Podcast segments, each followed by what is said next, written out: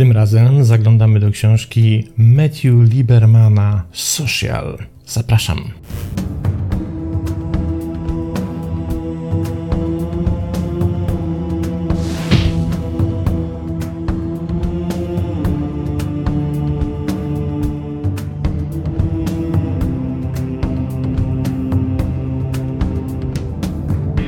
Celowo w zapowiedzi użyłem oryginalnego tytułu, ponieważ moim zdaniem jego tłumaczenie na polski ma pewną ułomność, pewną wadę, bo musielibyśmy tytuł tej książki przetłumaczyć jako społeczność, a wówczas w takim podstawowym rozumieniu będziemy myśleli, że chodzi o jakąś grupę ludzi, jakieś zbiorowisko osób, a tymczasem to bardziej powinna być społeczność rozumiana jako cecha, czyli nasza społeczność jako cecha, która nas dotyczy. Książka została opublikowana w 2013 roku. Oczywiście polskie portale podają tutaj różne daty, nie do końca wiem z czego to wynika.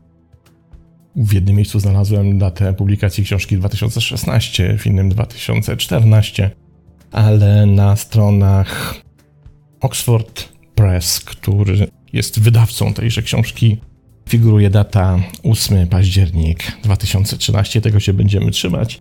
Póki co, a zatem książka ma już 10 lat i póki co niestety nie udało mi się znaleźć jej polskiego tłumaczenia, więc prawdopodobnie takiego nie ma. I zaczniemy od tego, by przyjrzeć się, kim jest Matthew Lieberman. Jest profesorem psychologii, psychiatrii i nauk biobehawioralnych na Uniwersytecie Kalifornijskim w Los Angeles. Jest dyrektorem laboratorium Social Cognitive Neuroscience i wykorzystuje funkcjonalne obrazowanie metodą rezonansu magnetycznego, aby zbadać, w jaki sposób rozumiemy innych i siebie. Efektywnie współdziałamy społecznie i regulujemy nasze emocje. Urodził się w Atlantic City w 70 roku. Jego ojciec był prawnikiem, a matka nauczycielką sztuki. Jego żona Naomi Eisenberger jest profesorem zwyczajnym na Wydziale Psychologii Uniwersytetu Kalifornijskiego. Lieberman prowadzi badania nad neuronalnymi podstawami poznania i doświadczenia społecznego ze szczególnym uwzględnieniem neuronalnych podstaw regulacji emocji, perswazji i odrzucenia społecznego, samopoznania, teorii umysłu i uczciwości. Lieberman ukuł termin społeczna neuronauka poznawcza, jego zainteresowania badawcze obejmują również neuronalne podstawy automatycznego i kontrolowanego poznania społecznego i afektu oraz neuronalne podstawy osobowości. Społeczna neuronauka poznawcza koncentruje się na tym, jak ludzki mózg przeprowadza przetwarzanie informacji społecznych. Lieberman wykorzystuje neuroobrazowanie funkcjonalne i neuropsychologię do testowania nowych hipotez dotyczących poznania społecznego. Jest redaktorem, założycielem czasopisma Social Cognitive and Affective Neuroscience, a w 2007 roku zdobył nagrodę APA, czyli Amerykańskiego Towarzystwa Psychologicznego, za wkład wczesnej kariery w psychologię. No i zacznijmy od pierwszego fragmentu tej, w moim przekonaniu, niezwykle ciekawej psychologiczno-socjologicznej książki, chociaż nie wiem, czy tutaj więcej Socjologia relacji nie ma swoich cegiełek w jej treści, co z mojego punktu widzenia jest tym bardziej ciekawe. Pierwszy fragment. Dysponujemy przynajmniej jednym sposobem intuicyjnego dostrzegania różnic pomiędzy myśleniem społecznym a niespołecznym. Większość z nas zgadza się z powszechnym przekonaniem, że inteligencja książkowa i inteligencja społeczna rzadko idą w parze. Wydaje się, że te dwa rodzaje inteligencji wymagają różnych zdolności, a mózg ma oddzielne sieci, które je wspierają. Niedawne badanie dzieci z zespołem Aspergera pokazuje to rozróżnienie. Zespół Aspergera jest uważany za łagodniejszą wersję autyzmu, ale wiąże się z wieloma takimi samymi deficytami w poznaniu społecznym i zachowaniach społecznych. Grupa dzieci z zespołem Aspergera faktycznie wypadła lepiej w teście abstrakcyjnego rozumowania niż zdrowe dzieci w tym samym wieku. Jeśli inteligencja społeczna i inteligencja niespołeczna konkurują ze sobą jak dwa końce huśtawki, to logiczne jest, że deficyty, które odbierają część siły i władzy na jednym końcu huśtawki, dadzą większą moc drugiemu. Wielkim obosiecznym mieczem bycia najbardziej wyrafinowanymi ssakami na planecie jest to, że bez względu na to, jak mądrzy lub racjonalni się stajemy, nie możemy przechytrzyć naszych podstawowych potrzeb. Wszyscy potrzebujemy ludzi, których będziemy kochać, szanować, i wszyscy potrzebujemy ludzi, którzy nas kochają i szanują. Te podstawowe potrzeby społeczne są obecne od urodzenia, aby zapewnić nam przetrwanie, ale kierujemy się nimi do końca naszych dni. Nie zawsze rozpoznajemy te potrzeby i możemy nie widzieć, jak wpływają one na ludzi wokół nas, a mimo to wciąż i nadal istnieją. Myślę, że to jest bardzo istotne rozróżnienie, którego dokonuje pan profesor, a mianowicie zwróćmy uwagę, że oto mamy sobie kogoś, kto jest niezwykle inteligentny, błyskotliwy, ma pełen zakres wiedzy przedmiotowej, w swojej dziedzinie jest super specjalistą i super fachowcem, i kogoś, o kim mówilibyśmy, że to niesamowicie olbrzymi mózgowiec, tęga głowa i posiadająca olbrzymią wiedzę. Jednocześnie ta sama osoba może totalnie sobie nie radzić w relacjach społecznych. Może nie radzić sobie w budowaniu takich relacji, w interakcji z innymi. Może w społeczeństwie czuć się zagubiona i bezradna, może w ogóle nie posiadać społecznych umiejętności komunikacyjnych, komunikować się z ludźmi. Wielokrotnie na przykład słyszałem o takich przypadkach w kontekście medycyny. Oto mamy sobie kogoś wybitnie uzdolnionego w danej dziedzinie, który jest nieprawdopodobnie wielkim specjalistą od jakiegoś obszaru medycyny i jednocześnie ta osoba totalnie nie potrafi współpracować z pacjentem. Totalnie nie potrafi rozpoznać emocji pacjenta, nie potrafi wejść w jego buty, nie potrafi zobaczyć świata z perspektywy pacjenta, w jaki sposób on doświadcza swojego cierpienia, swojej choroby, tego, co się z nim dzieje. I przez to, przez ten brak umiejętności społecznych, nawet największy specjalista tak naprawdę traci swoją skuteczność. No bo nie jest w stanie do końca rozpoznać wszystkich meandrów, które są odpowiedzialne za to, co się dzieje akurat z pacjentem. I to jest tylko jeden przykład medycyny, ale tak się dzieje na bardzo, bardzo wielu frontach, w bardzo, bardzo wielu obszarach, co dowodzi tego rozróżnienia, o którym pisze autor książki. Czymś innym jest nawet najbardziej błyskotliwy intelekt, inteligencja poznawcza, inteligencja kognitywna, a czymś zupełnie innym inteligencja społeczna. I wydawałoby się, że w inteligencji poznawczej jest jakiś element inteligencji społecznej. No bo przecież na przykład inteligencja poznawcza odpowiada za to, jak jesteśmy w stanie się odnaleźć w nowych sytuacjach. A nowe sytuacje nie są sytuacjami, które się wydarzają w próżni, ale bardzo często nowe sytuacje, w które jesteśmy wrzucani, są sytuacjami na wskroś społecznymi. I powinniśmy się w nich odpowiednio szybko organizować i odnajdywać, jeśli mamy wysoki wskaźnik inteligencji poznawczej. A tu się nagle okazuje, że to wcale nie musi iść z sobą w parze. No i teraz chyba się wyjaśniło, dlaczego nazwa książki Społeczność w rozumieniu naszej cechy jest tak adekwatna. Posłuchajmy dalej. Przez całe życie jesteśmy skazani na doświadczanie różnych form społecznego odrzucenia i straty.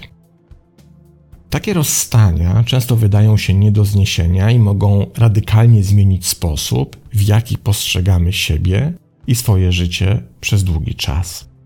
Nasza faustowska umowa ewolucyjna pozwala nam jako ludziom rozwijać się powoli poza łonem matki, dostosowywać do określonych kultur i środowisk oraz wyhodować najbardziej zakodowane mózgi na planecie, ale wymaga od nas zapłaty za to możliwością bólu. Prawdziwego bólu za każdym razem, gdy łączymy się z inną istotą ludzką, która ma moc opuścić nas lub odmówić nam miłości. Ewolucja założyła się, że cierpienie jest akceptowalną ceną za wszystkie korzyści płynące z bycia człowiekiem. W rzeczywistości jednak ból fizyczny nie jest bardziej fizyczny niż jakiekolwiek inne doświadczenie psychiczne, takie jak zobaczenie czerwonego kwadratu, odkrycie spokoju, medytacji lub oczekiwanie na wspaniałą pierwszą randkę. Istnieją dwa różne, ale równie ważne sposoby interpretacji powyższego stwierdzenia. Po pierwsze, ból jest mniej fizyczny niż zwykle zakładamy. Wiemy o tym, ponieważ ból można radykalnie zmodyfikować za pomocą siły sugestii, hipnozy lub terapii placebo. W rzeczywistości przeprowadzano operacje na osobach tylko pod wpływem hipnozy, bez znieczulenia i bez bólu. W eksperymentach z bólem samo oczekiwanie, że wstrząs, który masz otrzymać, będzie bardzo bolesny, może sprawić, że szok będzie bardziej bolesny niż w innym przypadku. Różne zaburzenia psychiczne, takie jak lęk i depresja, często zmieniają naszą wrażliwość na ból fizyczny. Ból może nie być całkowicie w Twoim umyśle, ale jest o wiele bardziej w Twoim umyśle, niż większość ludzi zdaje sobie z tego sprawę. Zaś jedną z oczywistych wskazówek, że ból społeczny jest podobny do bólu fizycznego, jest język, którego używamy do mówienia o bólu społecznym. Większość słów, których używamy do opisania poczucia odrzucenia społecznego lub straty, dotyczy języka bólu fizycznego.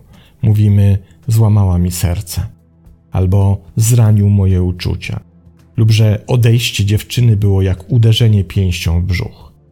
Psychologowie odkrywają, że język, który brzmi metaforycznie, jest często mniej metaforyczny niż początkowo przypuszczano. Jeśli chodzi o ból społeczny, język bólu fizycznego jest stosowany obecnie jako metafora bólu psychicznego i to na całym świecie. I to niezwykle ważna obserwacja i ważna konstatacja autora książki. Jest kilka takich badań, o wielu z nich wspominałem w swoich mini wykładach, w których naukowo udowodniono, że na przykład taki ból jak ból odrzucenia potrafimy odczuwać na poziomie bólu fizycznego, czyli odrzucenie boli nas tak jak ból fizyczny.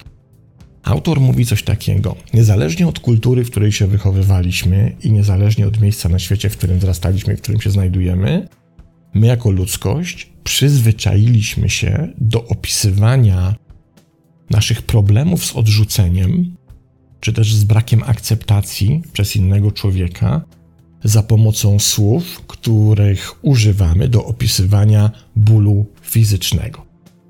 Przecież bardzo często mówimy, ona mi wbiła nóż w plecy.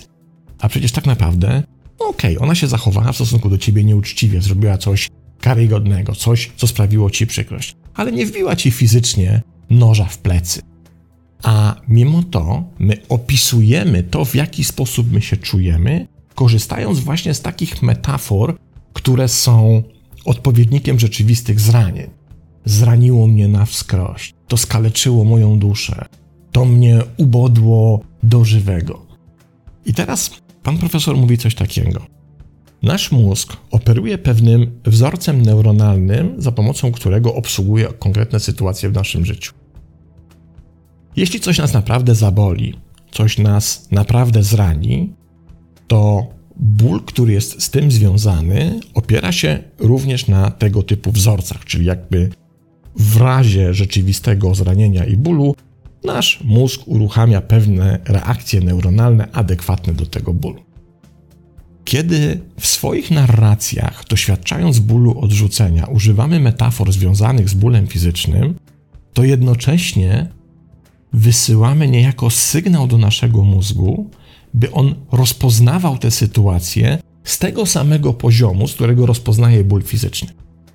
Dziabniesz się śrubokrętem w rękę, co mi się zdarzyło kilka tygodni temu. I mózg twój obsługuje ten ból w ten sam sposób, w jaki ty mu później każesz obsłużyć ból związany z tym, że ktoś cię odrzucił. Że ktoś nie obdarzył cię tym samym uczuciem, co ty jego.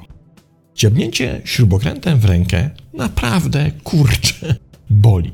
I to jest bardzo poważny, dotkliwy ból.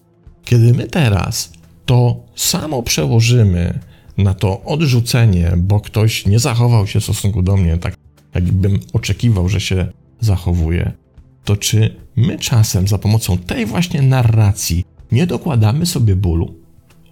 Nie powodujemy, że my niejako programujemy nasz mózg, by ten ból odrzucenia klasyfikował w tych samych obszarach i w tych samych rejonach neuronalnych naszego mózgu, co ból związany z dziabnięciem śrubokrętem w rękę czy z dowolnym innym bólem fizycznym.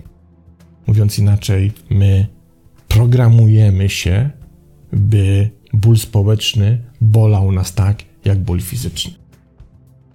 A gdybyśmy tak zmienili tę narrację, gdybyśmy się oduczyli stosować tych metafor związanych z bólem fizycznym do opisywania naszych przejść, dyskomfortowych zdarzeń i bólu społecznego, być może zadziałałoby to w drugą stronę, czyli po prostu moglibyśmy zmniejszyć ból społeczny, który odczuwamy. Taka wydawałoby się delikatna zamiana, a może przynieść niesamowite rzeczy i niesamowite efekty. Myślę, że warto o tym pamiętać. Za każdym razem, kiedy coś cię zaboli na poziomie społecznym, zadaj sobie pytanie, w jaki sposób to opisujesz sama czy sam dla samego siebie. Jak sobie wewnętrznie to opowiadasz? Jaką historię tworzysz w kontekście tego społecznego dyskomfortu, który ci się zdarzył, którego doświadczyłaś czy doświadczyłeś, i jakich terminów, jakich słów używasz, by tę historię opowiadać samej, samemu sobie. Nagle odkrywamy, kurczę, być może ja sobie po prostu przysparzam tego bólu. To nie znaczy, że ja mogę go w ogóle nie odczuwać, ale mogę go dzięki temu prostemu zabiegowi na przykład zmniejszyć. To już jest moim zdaniem warte rozważenia. Kolejny fragment. Samokontrola jest niewątpliwie jednym z największych atutów, jakie może posiadać człowiek. Ale być może zastanawiasz się, co to ma wspólnego z mózgiem społecznym? Dojdziemy do celu, ale zanim to zrobimy, wyjaśnimy sobie, co mamy na myśli, mówiąc o samokontroli.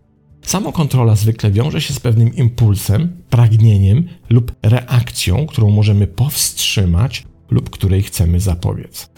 Nasze impulsy i reakcje emocjonalne są niezbędne, aby prowadzić nas ku pożądanym rezultatom i oddalić się od niebezpieczeństwa, ale wydają się też mieć własny umysł i często trzeba je powściągać.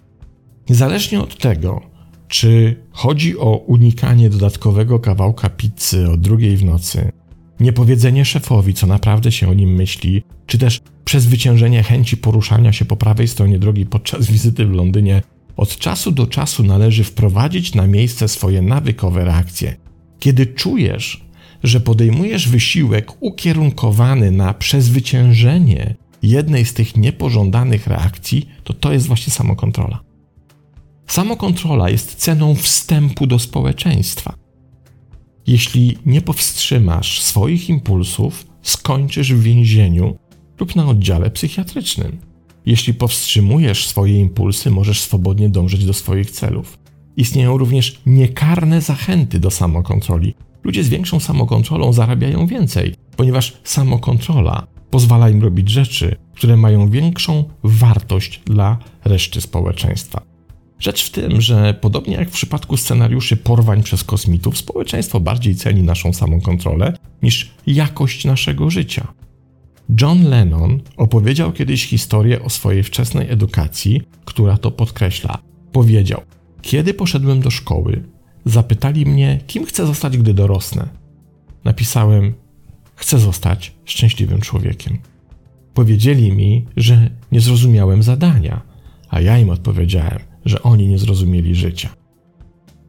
Dla jego nauczycieli to, kim chciał być, musiało odzwierciedlać to, co zrobiłby z korzyścią dla społeczeństwa. Jego szczęście było dla nich bezsensowną odpowiedzią. I to kolejny koncept, nad którym warto się zatrzymać. Autor pisze: Samokontrola jest przepustką do społeczeństwa.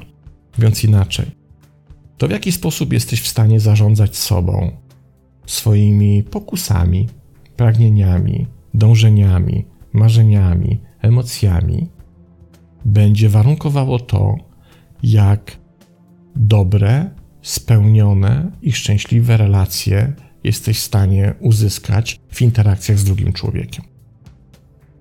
Im bardziej doświadczasz samego siebie, czy też samej siebie, im większą autoświadomością dysponujesz, tym można liczyć na to, że Twoje relacje będą równie świadome. A jeśli relacje będą równie świadome, to po pierwsze będziesz się wystrzegała i wystrzegał tych relacji, które nie są tego warte i które ci odbierają energię, a jednocześnie będziesz w stanie docenić te relacje, które są warte, by poświęcić im na przykład całe życie.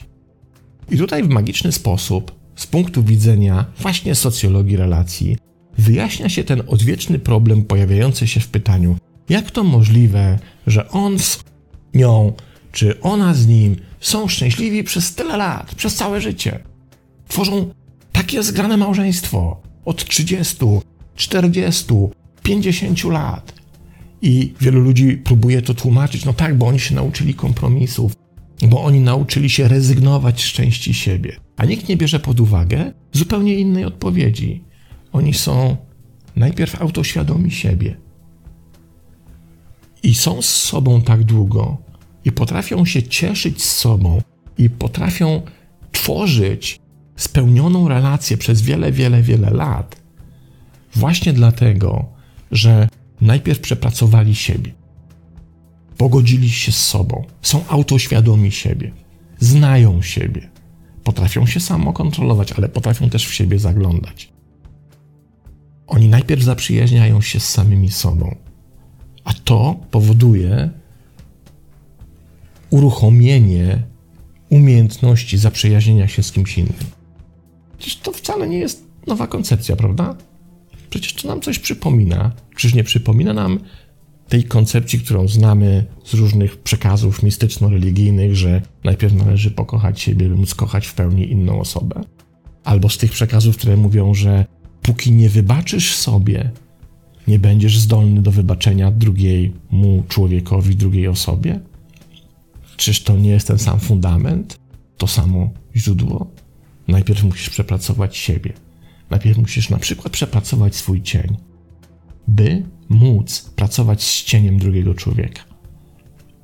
Niesamowite, ale wydaje się, że logiczne i prawdziwe. Być może właśnie udzieliliśmy sobie odpowiedzi na pytanie, jak to jest możliwe, że potrafimy z sobą tak długo wytrzymać. Rozpoznawanie siebie w lustrze, pisze dalej autor, i myślenie o sobie koncepcyjnie opiera się na bardzo różnych obwodach neuronalnych. Widzenie siebie i poznawanie siebie to dwie różne rzeczy. Istnieją co najmniej dwie główne implikacje tego rozróżnienia między samopoznaniem a samowiedzą. Po pierwsze, to rozróżnienie wyjaśnia, co test samorozpoznania w lustrze mówi nam o zwierzętach, które są zdolne go przejść. Szympansy, delfiny i słonie mają pewne poczucie tożsamości cielesnej, że ciało, które widzą w lustrze, jest ich ciałem. Jednak dane funkcjonalnego obrazowania rezonansu magnetycznego sugerują, że zdanie tego testu nie oznacza, że te zwierzęta angażują się w autorefleksję w taki sam sposób jak my, zastanawiając się, czy posiadamy określoną cechę osobowości lub zastanawiając się, co się z nami stanie za 10 lat. Nie oznacza to, że te zwierzęta zastanawiają się nad mądrością swoich przeszłych decyzji. I z pewnością nie oznacza to, że zwierzęta te nabywają konceptualnego poczucia siebie poprzez introspektywną kontemplację. Po drugie, neuronowa separacja reprezentacji naszych własnych ciał i reprezentowania naszych własnych umysłów wyjaśnia, dlaczego nie możemy uciec od dualizmu umysł-ciało Kartezjusza. Wszystko wskazuje na to, że dualizm umysł-ciało jest złym wyjaśnieniem tego, kim jesteśmy, a mimo to większość z nas działa jak dualiści. Nic na to nie poradzimy, ponieważ jest to dosłownie podłączone do naszego systemu operacyjnego, aby widzieć świat w kategoriach umysłów i ciał, które są od siebie oddzielone. Mamy jeden system do myślenia o naszych własnych umysłach i inny do rozpoznawania naszych własnych ciał, a systemy te są rozdzielone w mózgu. Nie chodzi o to, że umysły i ciała są w rzeczywistości oddzielnymi sferami, ale sposoby, w jakie je rejestrujemy, są oddzielone w naszych mózgach. Tak jak kolory i liczby są postrzegane jako radykalnie różne, ponieważ zależą od zdysocjowanych systemów w mózgu, tak nasz umysł i ciało są na zawsze postrzegane jako oddzielone od siebie. Wierzymy, że jaźń której dokonujemy introspekcji, składa się z naszego prywatnego zasobu osobistych przekonań, celów i wartości. zawiera nasze nadzieje i marzenia, do których nikt oprócz nas nie ma dostępu. Chiński filozof Lao Tzu uchwycił ideę jaźni jako źródła prawdy ponad 2000 lat temu, pisząc: W centrum swojej istoty masz odpowiedź, wiesz kim jesteś i wiesz czego chcesz. Laureat Nagrody Nobla Hermann Hesse podkreśla odrębność każdej osoby od innych, argumentując, że każda z nich reprezentuje wyjątkowy, bardzo wyjątkowy i zawsze znaczący i niezwykły punkt, w którym przecinają się zjawiska świata, tylko raz w ten sposób i nigdy więcej. Jeśli jaźń reprezentuje naszą wyjątkową naturę, kora przedczołowa w mózgu wydaje się być królewską drogą do poznania naszych ukrytych prawd i najlepszą drogą do zapewnienia osobistego szczęścia. Ale jak widzieliśmy, rzeczy nie zawsze są takie, jak się na pierwszy rzut oka wydaje. I tutaj niesamowita rzecz, która mówi, dlaczego my mamy taką trudność z tym wyjściem ponad ten dualizm, że widzimy siebie jakby z dwóch odrębnych perspektyw: perspektywa głowy, umysłu i perspektywa ciała. I to wyjście ponad widzenie tych dwóch odrębnych struktur jest niezwykle rzadkie i niezwykle trudne, o czym najlepiej świadczy fakt, że przez tysiące lat wielu mistykom to spędzało sens powiek. To właśnie większość mistycznych dróg dążących do duchowego wyzwolenia wiodła przez wykroczenie ponad ten dualizm. Na pozbycie się tego myślenia, które jest, jak pisze pan profesor, i co wynika z badań, naturalną funkcją naszego mózgu.